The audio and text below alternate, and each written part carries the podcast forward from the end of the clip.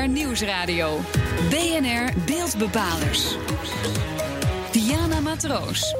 Welkom bij BNR Beeldbepalers, het enige radioprogramma waar het beeld centraal staat en waar we complexe communicatievraagstukken oplossen. Met dit keer. Dit is voor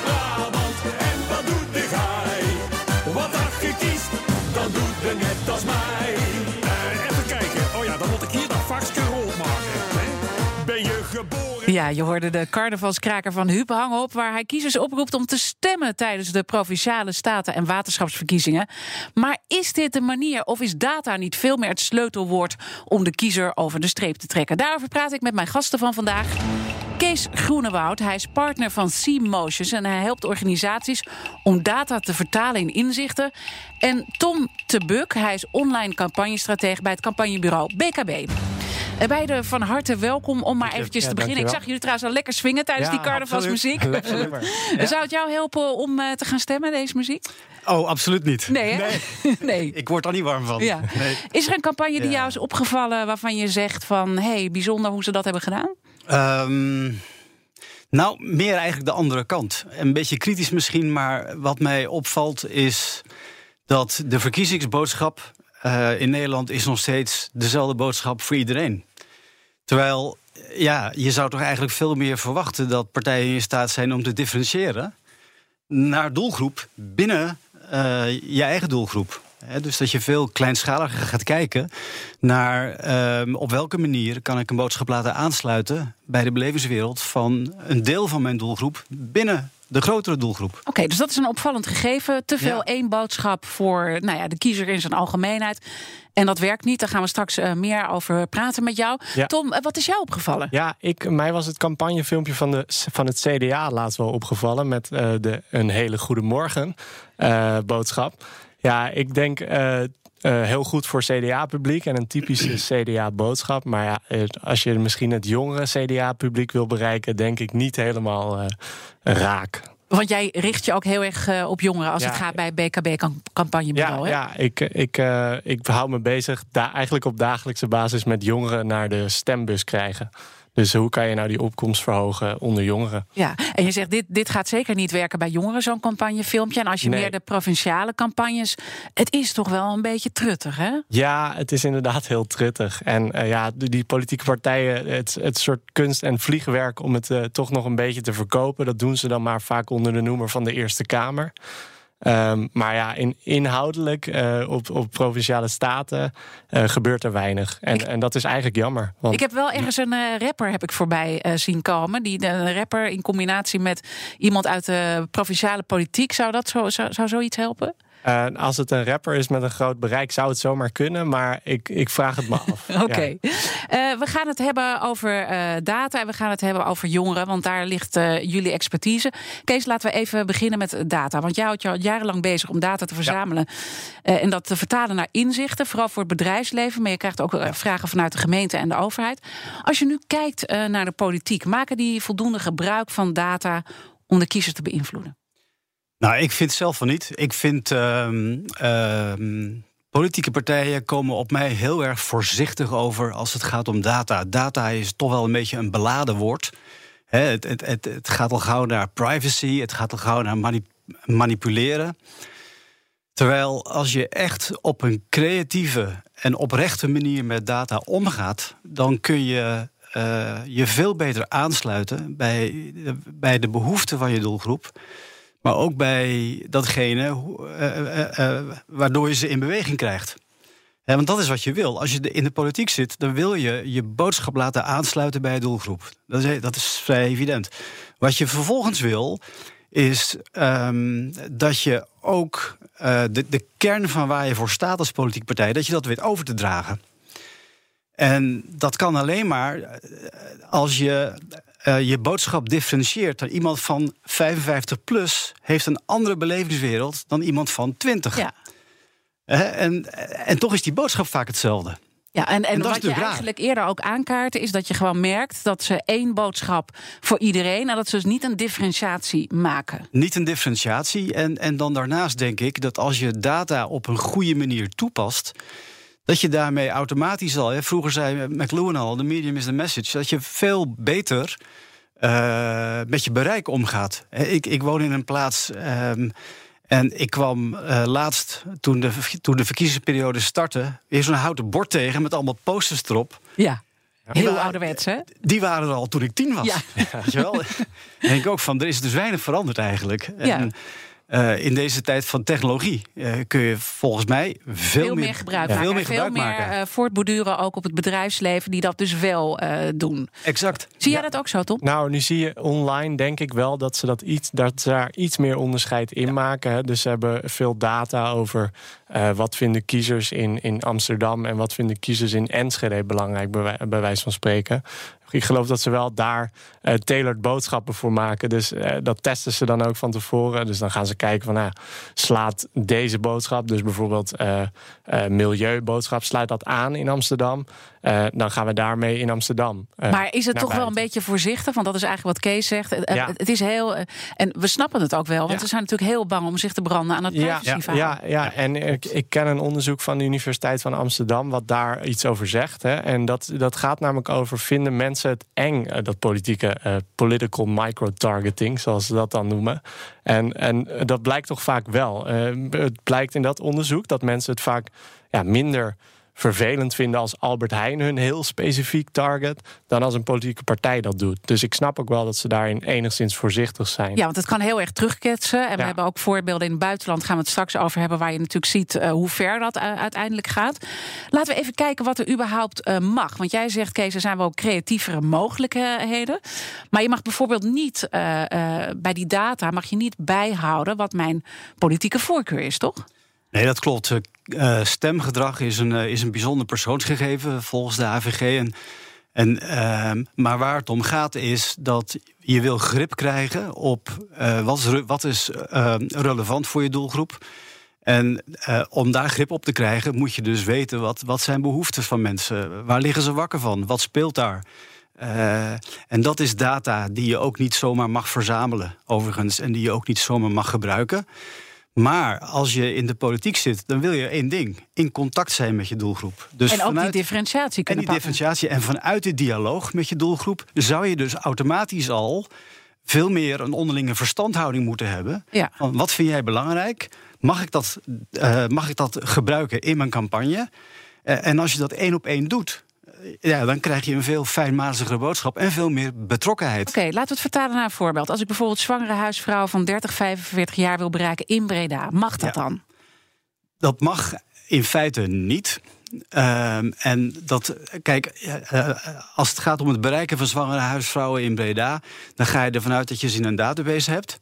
Ten eerste moet je ze dan laten weten dat je ze in een database hebt. Eh, en zij moeten jou toestemming hebben gegeven voor het gebruik van die data. Ja, dus er gaat al een heel proces aan vooraf. Dus er gaat een proces aan vooraf. Maar als ze dat hebben gedaan, eh, mag ik dan wel op die manier targeten of gaat dat alsnog te ver? Dat hangt er ook weer vanaf. Ja, het wordt wel heel ingewikkeld nu. Ja. Dat heeft te maken met wat in de wet staat, eh, iets als doelbinding. Wat is het doel waarmee je het gebruikt? Kijk, weet je wat ik het rare vind? Als je op een politieke partij stemt, dan mag je verwachten als politieke partij dat de stemmer iets met jou heeft. En als je iemand probeert zover te krijgen op jou te stemmen, dan mag je verwachten dat er een soort van relatie gaat ontstaan. Dus je kunt je afvragen, wat moet ik nou doen als politieke partij om invulling te geven aan die relatie? Met andere woorden, welke data heb ik daarvoor nodig? Als je daar transparant over bent en je laat dat de persoon die je daarmee hebt opgeslagen in je database weten dat je die data hebt en je vraagt toestemming om die data ook toe te passen, ja, dan ben je, zoals het heet, compliant bezig. Oké, eh, het, het blijft toch wel. Je zegt er zijn mogelijkheden creatief, maar aan de andere kant geef je ook wel aan, het wordt steeds lastiger. Laten we daar zo verder over praten. Hoe je echt een goede campagne bouwt. Wat ik nog even van jou wil weten, omdat je heel erg met de jongeren eh, bezig bent. En trouwens, voor het campagnebureau BKB zijn jullie ook bezig met eh, elke stem telt. Hè? Dat is Ja. die meer grote campagne. Maar als we het even specifiek op die jongeren houden, laat de politiek te veel liggen in zijn algemeenheid. Ehm, dat denk ik wel. Kijk, wat, wat ik merk en wat, wat ook blijkt, is dat politieke partijen richten zich met name op hun achterban. Dus mensen die al gaan stemmen. Die ze Eh, wel kennen in feite. Ja, Ja. die ze al kennen. Dus eh, wat, wat wordt er vaak vergeten? De mensen die nog niet gaan stemmen. Ja. Dat Of de zwevende kiezer? Ja, de zwevende kiezer. Ja, de zwevende kiezer is dan vaak wel eentje die, die, die politieke partijen proberen te targeten. Alleen de niet- Niet-stemmer. of ja, daar, daar zijn ook alweer allemaal gradaties in te maken. Hè. Dus er zit heel veel tussen iemand die nooit stemt en iemand die misschien gaat stemmen. Eh, en, en dan heb je nog de zwevende kiezer die twijfelt tussen partijen, maar wel wil stemmen. En ik denk dat ze daar heel veel laten liggen in, in de zin van eh, de, de twijfelende stemmer. Ga ik misschien stemmen? Laten we daar dan straks eh, verder op voortbouwen. Want eh, hoe kan je er dan wel achter komen wie die niet-stemmer is? En hoe kan je dat dan goed inzetten om die jongeren naar de stembus te krijgen? En hoe bouw je nou een ster- sterke campagne uit door gebruik van data? Zometeen meer. BNR Nieuwsradio. BNR Beeldbepalers. Welkom terug bij BNR Beeldbepalers. Dit keer hebben we het over data en stemgedrag. En ook hoe je jongeren nou meer kan betrekken bij de verkiezingen die eraan zitten te komen. Mijn gasten van vandaag zijn Kees Groenewoud. Hij is partner van C-Motions. En hij helpt organisaties om data te vertalen in inzichten. En Tom Tebuk. Hij is online campagnestratege bij het campagnebureau BKB. En hij houdt zich ook vooral heel erg bezig met eh, jongeren. En je zei net al eventjes, de politiek laat daar echt eh, wel wat liggen... als het gaat om die eh, jongeren te betrekken. En vooral ook een beeld te hebben wie nou de niet-stemmers zijn. En die zitten voor een groot deel bij die jongeren. Welk beeld heb jij van een niet-stemmer? Ja, eh, dat is inderdaad een, een, dat is altijd een moeilijke vraag. Eh, maar ze zeggen, die jongeren ja, die zijn niet betrokken, eh, die hebben niet zoveel met politiek. En dat is over het algemeen ook wel waar. Ehm, dus het is ook lastig voor politieke partijen om, dat, om die mensen eh, te bereiken. Omdat, ja, weet je wel, waar ga je onderzoek doen als je, als je, als je wil kijken wie die mensen zijn? Ja, dan ga je toch vaak naar je eigen achterban een onderzoek doen. Ja, het is een beetje uit je comfortzone. Ja. En eh, je moet daarin Dus- investeren om juist dat te onderzoeken. Maar neem ons even mee wat jou dan opvalt als het om die groep gaat. Ja, nou ja, dat, eh, eigenlijk is het toch wel een geëngageerde groep. Maar je moet gewoon relevant voor ze zijn. Hè? Dus je moet uitleggen waar gaan die verkiezingen dan over. De- en dat, dat gaat er nu vaak mis. Dus nu gaan ze, eh, oké, de verkiezingen gaan over migratie. Maar de verkiezingen gaan in dit geval niet over migratie. Want het gaat over eh, de provinciale staten. Eh, de- en indirect natuurlijk de Eerste Kamer. Ja, dat is heel cruciaal. En wat we bijvoorbeeld bij de gemeenteraadsverkiezingen vorig jaar deden, is, weet je, kijk, proberen die verkiezingen relevant te maken. Kijk, de gemeenteraad interesseert je misschien niet, maar wel eh, of die discotheek om, eh, om de hoek bij je huis open blijft of niet.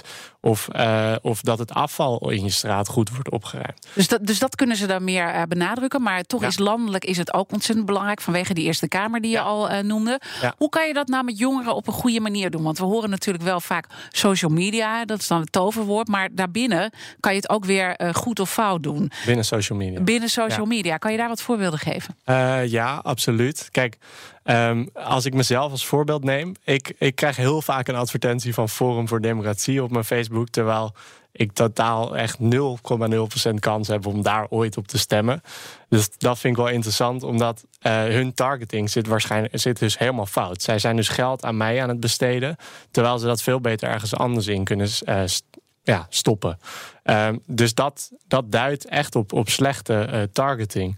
En dat En kan je slecht gewoon- datagebruik. ja, s- ja, ja, slecht gebruik van social media eigenlijk. Kijk, op Facebook kan je dat, eh, op Facebook en andere platforms, kan je dat gewoon heel goed instellen. Dus ook als je bijvoorbeeld zwangere vrouwen in, in Breda van tussen de 35 Ja, en wat ik net als 40, voorbeeld noemde. ja, die kan je wel eh, bereiken hoor, via Facebook. Alleen, ehm, en daar hoef je ook geen compliance voor te hebben. Dat kan je gewoon doen. Dat kan je gewoon instellen in de advertentiekant van Facebook. Ehm, je weet alleen niet 100% dat ze zwanger zijn. Eh, het is meer van interesse in zwangerschap hebben ze dan. Hè? Dus eh, op die manier kan je wel eh, proberen een profiel van die niet-stemmer... die misschien op jou zou stemmen, proberen te maken.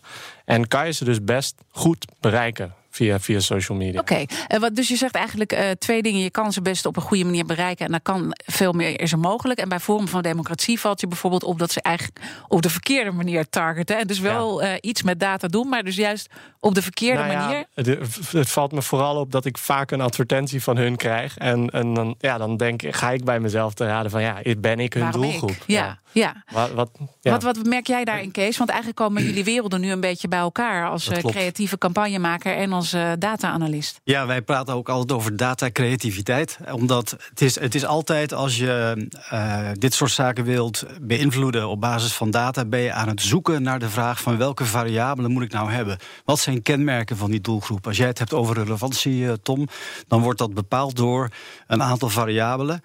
Uh, die je kunt gebruiken om in te zoomen op die relevantie. Dus dan heb je het over vaak toch wel voor de hand liggende dingen als leeftijd. Je hebt het over waar woont iemand. Er is, er is een groot verschil tussen een platteland, een, een plattelandsbewoner en een stedeling. Dat al, zou ik denken? Ja, maar de vraag is: wordt die data nu gebruikt op een analytische manier zodanig dat je ook op basis, want je hebt het over kans in feite, over kansberekening, dat, je, gaat, dat je gaat vaststellen wat is nou de kans dat deze boodschap aanspreekt bij die doelgroep die ik hier uh, aan het targeten ben. En dat is wat je wil. Je wil een zo hoog mogelijke trefkans hebben. Dus het gaat meer op de analyse waar het misgaat? Het gaat, het gaat vaak op de analyse mis, inderdaad. Ja. En, en, en, en daar waar het fout gaat op de analyse, de oorzaak is vaak niet goed genoeg scherp hebben welke variabelen nu van belang zijn in die boodschap. Ja, dat blijft toch altijd lastig om te kijken Ja. welke informatie gebruik je en welke eh schuif je terzijde. Ja. Eh, wat jij ook aangeeft, eh, volgens mij, is dat het heel erg belangrijk is dat we niet te veel politici in beeld, als we dus die jongeren willen bereiken, en dat je veel meer met een aantal sterke gezichten, misschien wel influencers moet werken. Eh, ja, influencers zou je kunnen, mee kunnen werken. Ik, ik denk zelf dat dat best nut heeft. Ik bedoel, als jij ehm, geen interesse hebt in politiek, eh, ja, als je dan een filmpje krijgt van een politicus als Mark Rutte of zo, ja, dan, dan denk ik niet dat je dan in ene wel interesse krijgt in politiek of, of wel in ene gaat stemmen. Maar ja, als, als, als jouw idool of eh, YouTuber waar je elke week naar kijkt, dat, dat in ene gaat zeggen, ja, dan denk je misschien van hé, hey, misschien is het wel belangrijk, weet je wel. Want ja, ik bedoel, die mensen die, die spelen een grotere rol in jouw leven dan politici. Hoewel, eh, dat denk je dan. Maar eh, op de achtergrond spelen die politici natuurlijk wel een rol met hun beleid en dergelijke. Dus ja, ik denk zeker dat dat, dat, dat nut kan hebben, ja. We komen alweer aan bij de conclusie en we proberen een eh, beeld te schetsen van hoe kan je nou het eh, gedrag van een kiezer beïnvloeden in de manier waarop jij dat wil eh, als politieke partij. En eigenlijk zeggen jullie van er wordt veel, ja, blijft er liggen. Hoe doe je het wel goed, Kees? Goed te kijken naar wat is de kern van mijn boodschap? Wat zijn de elementen eruit die ik wil overdragen? En wat is relevant voor mijn doelgroep? En dat bestaat ook uit datapunten, dat bestaat puur uit variabelen. En wat je, wat je altijd wil zoeken is de match tussen die twee. Als je dat scherp hebt, dan verhoog je de trefkans dat je boodschap ook aankomt. En zorg dus dat je binnen die ene boodschap gedifferentieerde boodschappen Exact. hebt. Dus Ja. dat je niet aan elke kiezer hetzelfde verhaal gaat vertellen als partij. Eh, Ja. Tom, wat, wat zijn de learnings van jouw kant? Ja, dus zorg eh, dat je inderdaad op basis van de eh, het proces wat Kees net omschrijft, eh, weet wat je kiezer wil horen. Eh, zorg dat het relevant is voor die kiezer. En zorg dus dat je niet alleen op je achterban gaat zitten. Dus, dus ik zou zeggen, ga ook die, die twijfelende stemmen proberen te benaderen. En ga daar eh, kijken beeld wie, van krijgen. Ja, Wie is probeer dat? daar een beeld van te krijgen. Wie is dat? En ga die proberen te benaderen. Want daar valt ja, Provinciale Staten 47% opkomst in eh, 2015. Ja, dat betekent 53% van de kiezers niet. Ja. Ik zou zeggen, daar is nog een groot deel te halen voor, eh, voor de Oké, partij. goede, goede tips. Misschien nog even één punt, eh, Kees, als het gaat om data en die beïnvloeding. We weten natuurlijk in Amerika en ook met Cambridge Analytica, Facebook, dat, dat hele verhaal dat er op een hele negatieve manier is eh, beïnvloed. En dat buitenlanders zich, hè, en dat de Russen Ja. zich hebben beïnvloed met de verkiezingen. Schat jij in dat het ook deze kant op zou kunnen gaan hier en dat we ook dus tegelijkertijd waakzaam weer moeten zijn? Nou, ik, ik ben een voorstander van wetgeving op dit punt, omdat eh, met data kun je, kun je echt een heleboel. Alleen wat er gebeurd is in Amerika, dat is niet het gebruik van data, dat is het mm, bijna het manipuleren. En, eh, en dan ga je, eh, vind ik, veel te ver. ja, omdat je, hebt ver dat ook maar, niet. Maar gebeur, ben je, heb je angst voor dat dat hier zou kunnen gebeuren in Nederland? Ehm, Want ik denk dat het, ja, of misschien gebeurt het al. Ja. Misschien gebeurt het al, ik weet het niet. Maar het ik, niet. ik vind wel dat we, er, dat we er erg alert op moeten zijn. Dat het niet gebeurt.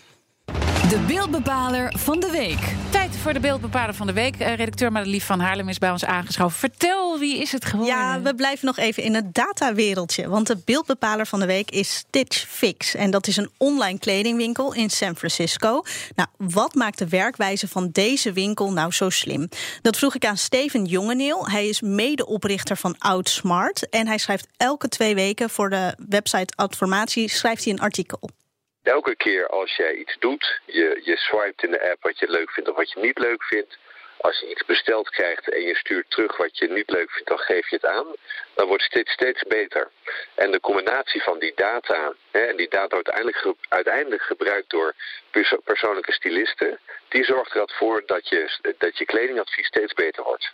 Ja, nou dat klinkt natuurlijk echt ideaal. Eh, in Nederland heeft styliste Dani Bles heeft ook zo'n concept eh, ontwikkeld. Ja. Dus we hoeven er niet voor eh, helemaal naar San Francisco of ergens in Amerika te wonen om een pakketje te krijgen. Nou, sowieso online kunnen we alles laten ja, komen, dat toch? wel. Ja, dat is natuurlijk ook Ja. wel weer zo. Maar goed, hè, de verzendkosten dergelijke. Ehm, Kees, ik vraag me wel af. Hè, ehm, eh, verwacht jij dat we in Nederland steeds meer bereid zijn om ja, gegevens van ons te geven, om dan zo'n speciaal concept te kunnen laten ontwikkelen? Nou, ik, ik vind het voorbeeld wat je geeft hier bij de beeldbepaler van de week, vind ik echt een mooi voorbeeld. Omdat eh, ik heb zelf ooit eens zo'n profiel aangemaakt eh, op zo'n site. En ik verbaasde mezelf over mijn eigen bereidheid om mijn eigen data af te staan. Omdat ik steeds scherper in beeld kreeg van hoe zit mijn eigen smaak eigenlijk in elkaar. En eh, als je daarmee een product krijgt toegestuurd. Wat helemaal bij je belevingswereld en bij je smaak en bij de tijd van het jaar, et cetera, aansluit. Ja, dan is dat een, dan is dat een hele mooie ruil. Dus het gaat om die win-win Dus situatie, het wat het interessant maakt. Exact. En als we die dan even doortrekken naar de politiek, zouden jongeren ook eh, nou, bereid zijn om meer data af te staan als ze er iets voor terugkrijgen? Nou ja, zoals ik eerder zei in deze uitzending, dat blijkt eigenlijk niet uit dat UvA-onderzoek. hè. Dus eh, Ja, dat is waar. Ehm, ja. Eh, ja, ze geven het wel aan Albert Heijn of aan, aan een kledingmerk, maar niet aan een politieke partij. Dat, dat ligt dan toch. Dus dit wat blijft dan toch een beetje een, eh, een dingetje voor het Ja, bedrijfsleven. maar ik weet wel dat politieke partijen altijd op zoek zijn naar dit, dit soort data. Er was ooit een politieke partij, ik weet even niet meer welke het was, die ging eh, kiezers in kaart brengen aan de hand van eh, welke auto's ze hadden. Want auto's is openbare data. Dus eh, op die manier gingen ze dan kijken. eh, onze kiezers hebben Mercedes of iets Oké. dergelijks. Nou, we moeten denk ik voor de volgende landelijke Ja. verkiezingen dat ze iets meer tijd hebben. Want dat is nu allemaal niet meer mogelijk Helaas, natuurlijk. Maar ja. eh, dank voor jullie inzichten. Dank Madelief van Haarlem natuurlijk ook voor de beeldbepaler van de week. En Kees Groenewoud, hij is partner van C-Motions. Hij helpt organisaties om data te vertalen in inzichten. En Tom Tebuk, hij is online campagnestratege bij het campagnebureau BKB. En houdt zich heel veel bezig met jongeren en online bereik. Dit was BNR Beeldbepalers. Terugluisteren kan via eh, de site natuurlijk, zoals altijd. De app, iTunes of Spotify. Mijn naam is Diana Matroos. Tot volgende week.